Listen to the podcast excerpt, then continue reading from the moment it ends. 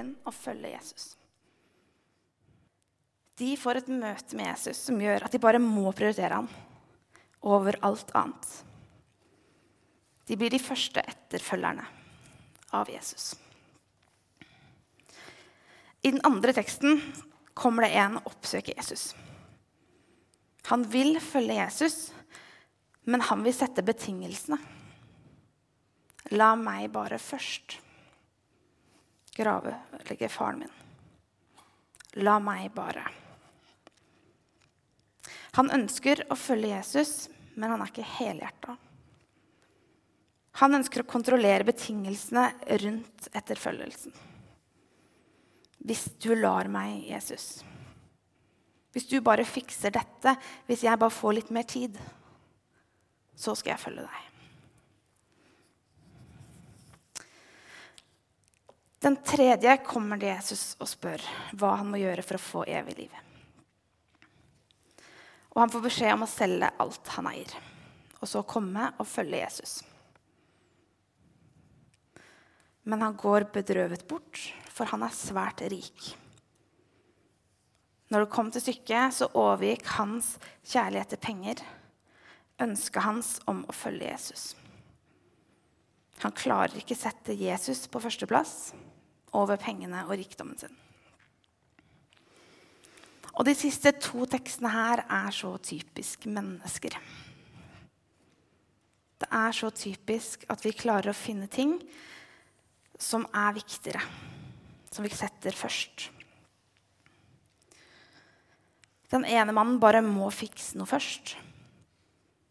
Han andre han klarer ikke å si at Jesus, du skal få være det viktigste, så da selger jeg det som jeg har brukt livet mitt på å bygge opp her. En rikdom. Noe som har vært mye i fokus sikkert i denne mannens liv siden han er svært rik. Eller så er han født inn i en rik familie og aldri kjent til noe annet. Men rikdom er en viktig del av denne mannens liv. Han klarer ikke å gi avkall på rikdommen sin for å følge Jesus. Og så er det typisk oss mennesker å tenke 'jeg skal bare'. Jeg skal bare fikse noe før Jesus kan få førsteplass i mitt liv. Hvis jeg bare får meg en kjæreste først, hvis jeg bare blir ferdig med studiene først Jeg skal bare få ferdig den sommerkroppen 2018. Så skal jeg bare komme til den stillingen på jobb som jeg har jobba så sykt med å oppnå nå. Jeg skal bare nå den. Og så når jeg har bikka 40 år, og det sosiale livet mitt begynner å liksom dabbe veldig av, da da skal Jesus få førsteplass i mitt liv. Da skal jeg virkelig følge han, for da skal bare alt handle om han.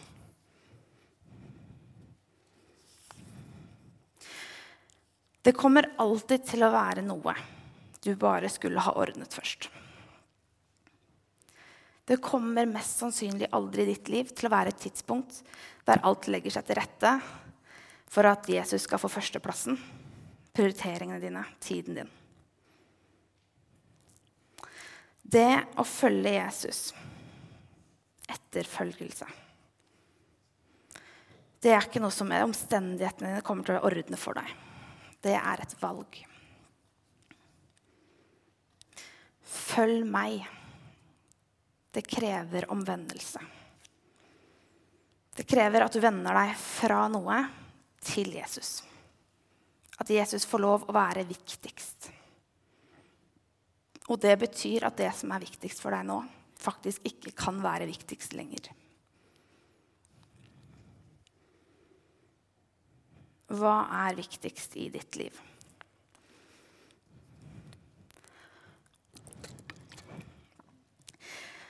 Det er lett å svare Jesus. Vi mennesker er jo vanvittig gode på å finne rett svar. Vi finner ut hva er det som du egentlig vil jeg skal svare nå. Eh, og Bibelen er ganske tydelig på at Jesus skal være viktigst. Og så kan det være et ønske vi har. Vi ønsker virkelig at Jesus skal få være viktigst i vårt liv. Men er han egentlig det?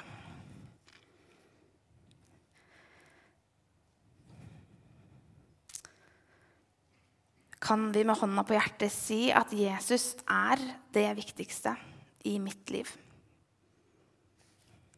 Er det samhandling mellom ord og handlingene dine? Det du bruker tiden din på? Det må være samsvar mellom hva vi sier, og hva vi gjør. Se for deg at du bestemmer deg i dag for at du skal løpe et maraton i mai. Og så begynner du å jogge litt. Et par ganger i uka nå. Og så etter hvert så finner du ut at eh, du skal jogge hver eneste dag. Og så begynner du å jogge to ganger om dagen, både før og etter jobb eller før og etter studiet. Så begynner du å legge om kostholdet ditt. Spiser masse egg og bananer. Og sånn som bare er sjukt bra når du skal bygge muskler og sånn. Og så, bruker, så handler etter hvert livet ditt om dette maratonet. ikke sant? Og det er klart, Da blir det viktig for deg hva resultatet blir den dagen du løper det maratonet. Når livet ditt har fått handle om, og du har brukt så mye vanvittig med tid på det, du har prioritert det, du har proppa det så vanvittig med bananer, du har løpt og løpt og løpt for dette maratonet, så så klart blir det viktig for deg. For det du bruker tid på, det du prioriterer, det er viktig. I Matteus 6,21 så står det For der din skatt er, der vil også ditt hjerte være. Det du bruker tiden din på, det du velger å prioritere over andre ting, det kan være din skatt. Det dagene dine går med til. Det du litt lettere sier ja til enn noe annet. Eller det som gjør at du fort sier nei til noe som du ikke har så lyst til, fordi du har egentlig veldig lyst til å gjøre den ene tingen. Bruke tiden din på det. Jesus ønsker å være det viktigste i ditt liv. Din skatt.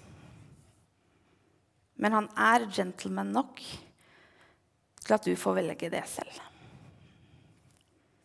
Med din frie vilje får du hver dag ta et valg om du vil prioritere å bruke tiden din denne dagen på Jesus eller på noe annet.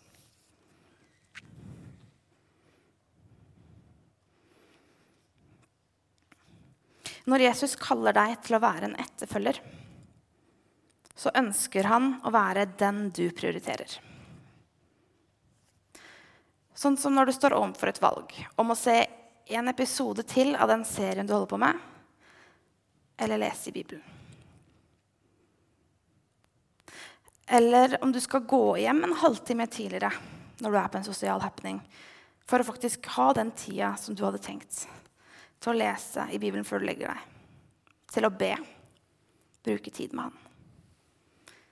For det er vanvittig lett at andre ting får komme i veien. Og så handler det om prioriteringene våre.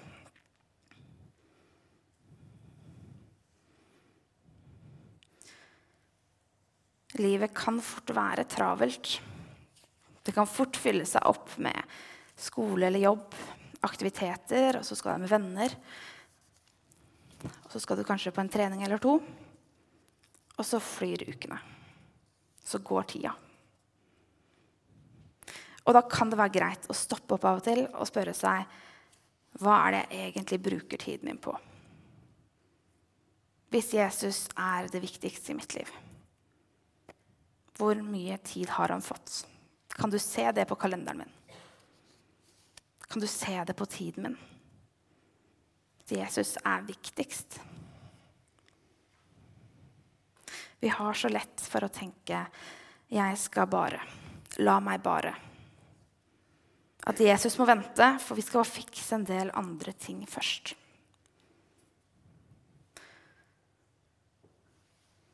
Så skal vi ta oss tid til å rydde plass i kalenderen.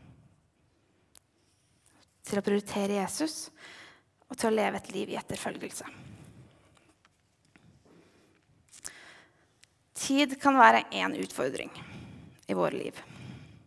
En annen ting som vi kan oppleve som utfordrende, det er penger, slik som den rike mannen. Vi bor i et land som har overflod av penger og muligheter. Vi har mye, og vi vil gjerne ha mer.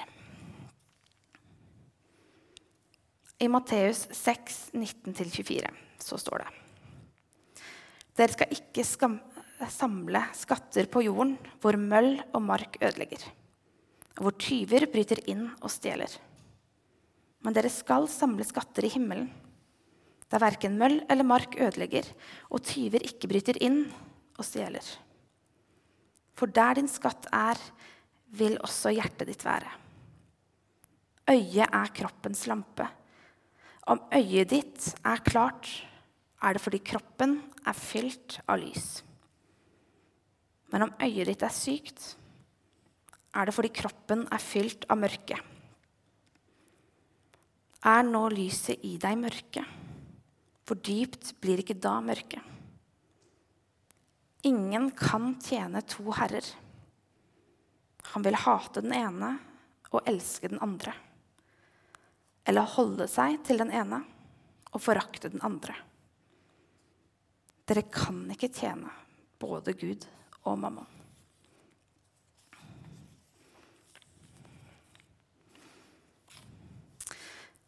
Vi skal ikke samle skatter på jorden. Det trenger ikke bety at du må selge alt du har. Gjøre som Frans av Assisi gjorde, eksempel, og kle deg i kappe. Kvitte deg med alt. Du trenger ikke melde deg ut av velferdssamfunnet. Si at 'nei, jeg skal ikke ha skolegang, og jeg skal ikke ha helsehjelp når jeg trenger det'.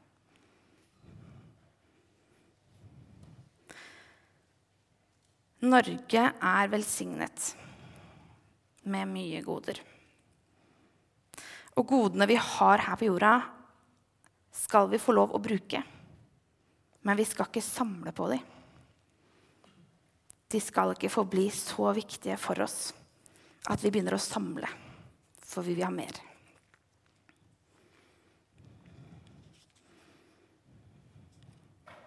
Jesus sa at det er vanskeligere for en kamel Nei. Altså, det er vanskeligere for en rik å komme til himmelen enn for en kamel å komme gjennom et nåløye. Vi kan ikke tjene to herrer. Penger har en syk makt over oss. Den kan binde oss og gjøre at det er vanskelig å prioritere Gud over rikdom. Og for noen kan det faktisk være lettere da å kvitte seg med en del av det de har. For at penger ikke skal ha samme makta over oss. Vi er velsignet med rikdom i Norge, men velsignelsen kan fort bli en avhengighet som får større plass i livet vårt enn Gud. Som binder oss så vi blir etterfølgere av rikdom og suksess og penger framfor etterfølgere av Jesus. Søk først Guds rike. Å følge Jesus det krever omvendelse. At vi vender om fra noe. Vi må vende om på prioriteringene våre. Jesus skal få stå først på din liste. I din tidsbruk. Jeg hadde ikke tid. Er ikke en god nok unnskyldning til ikke å ha lest i Bibelen. At du ikke vet hvor den er lenger, fordi det er litt, eller de finner den, og så er det masse støv på den.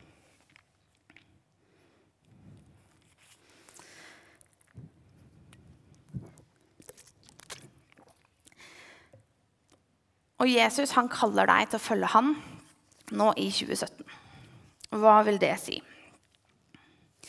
I 1. Peter 2,20 så står det For Kristus led for dere og etterlot dere et, et eksempel for at dere skulle følge hans spor. Vi skal følge Jesus' spor. Hans eksempel. Vi skal gjøre sånn som Jesus gjorde. det er det å følge etter og gjøre sånn som Jesus gjorde. Det handler om å bli mer lik Jesus. Bruke tid med han. La Den hellige ånd få komme og virke i deg. Forvandle deg til å bli mer lik Jesus. Få endre på prioriteringene dine, på hvordan du ser på mennesker. Hvordan du forholder deg til Gud.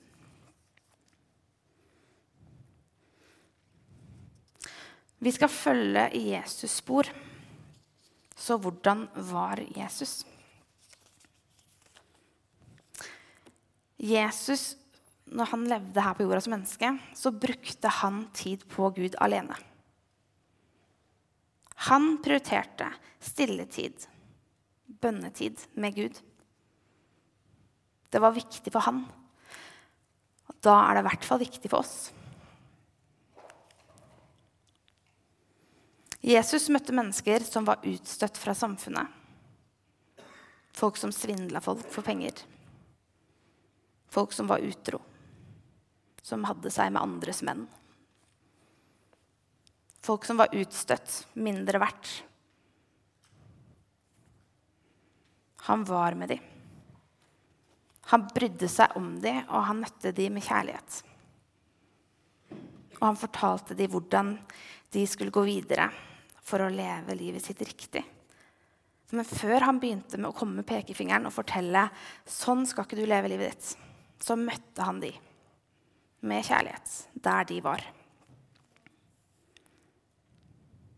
Jesus brukte tid på de som trengte han, og sa at det er ikke de friske som trenger lege, men de syke.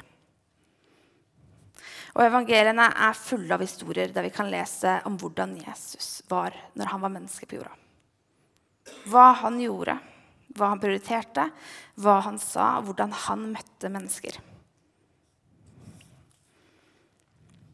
Hvis du vil følge Jesus, så er det ganske vesentlig at du vet hvordan Jesus levde livet sitt. For det er det livet du skal følge. Hvor han brukte tiden sin, hva han ville prioritert. På slutten av barneskolen og ungdomsskolen i hvert fall der jeg kom fra, så var det veldig kult i det kristne miljøet å ha sånn armbånd som det sto WWJD. What would Jesus do? Hva ville Jesus gjort? Og som etterfølger av Jesus så er det et spørsmål som vi bør stille oss daglig. Kanskje mange ganger om dagen i møte med mennesker, ved valg, i situasjoner vi syns er vanskelige, så bør det være der vi trekker for å finne svar. Hva ville Jesus gjort i denne situasjonen? Med denne vanvittig irriterende kollegaen. Hvordan ville Jesus møtt denne personen? Eller sånne folk som sniker i køen på butikken. Eller andre idioter i trafikken. Eller ja Hva ville Jesus gjort?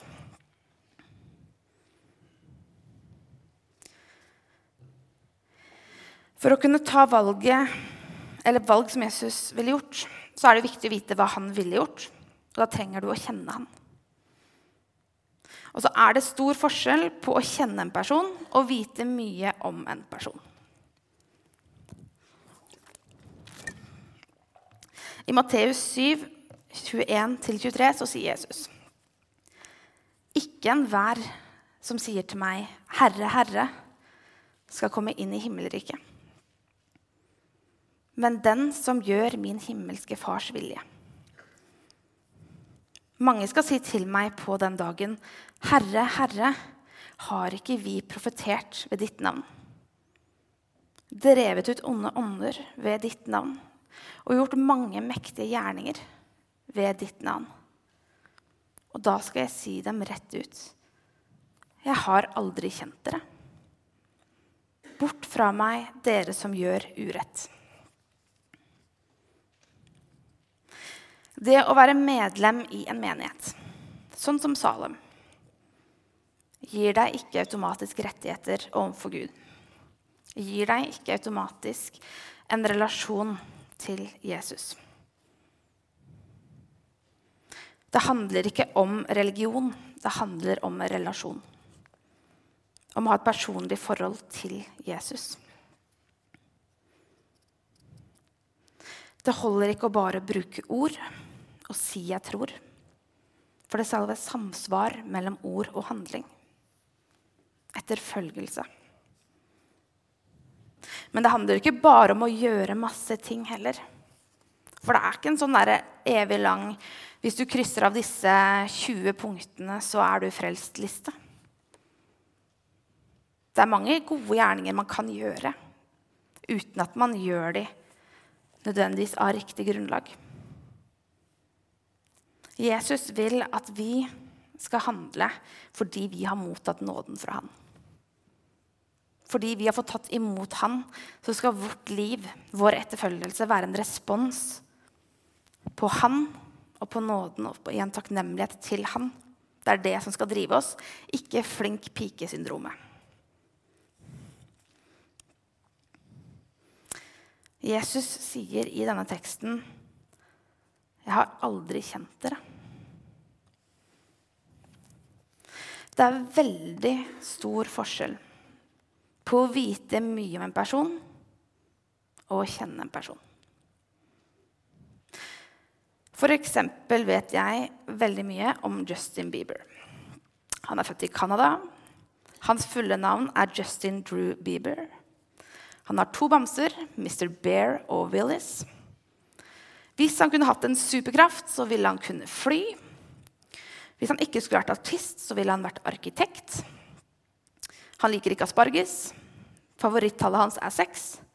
Og eh, favoritt-TV-seriene hans er Friends og Smallville ifølge Google. Og ved hjelp av Google så vet jeg en god del om Justin Bieber. Men dersom du møter Bieber og får snakka med han, så er det ganske på at han ikke aner hvem jeg er. Stor forskjell på å vite mye om en person og å kjenne en person. Og sånn er det med Jesus også. Det er ikke nok å bare kunne ramse opp fun facts om Jesus. Det er ikke nok å bare gå i en menighet og derfor tenke at man er innafor hos Gud.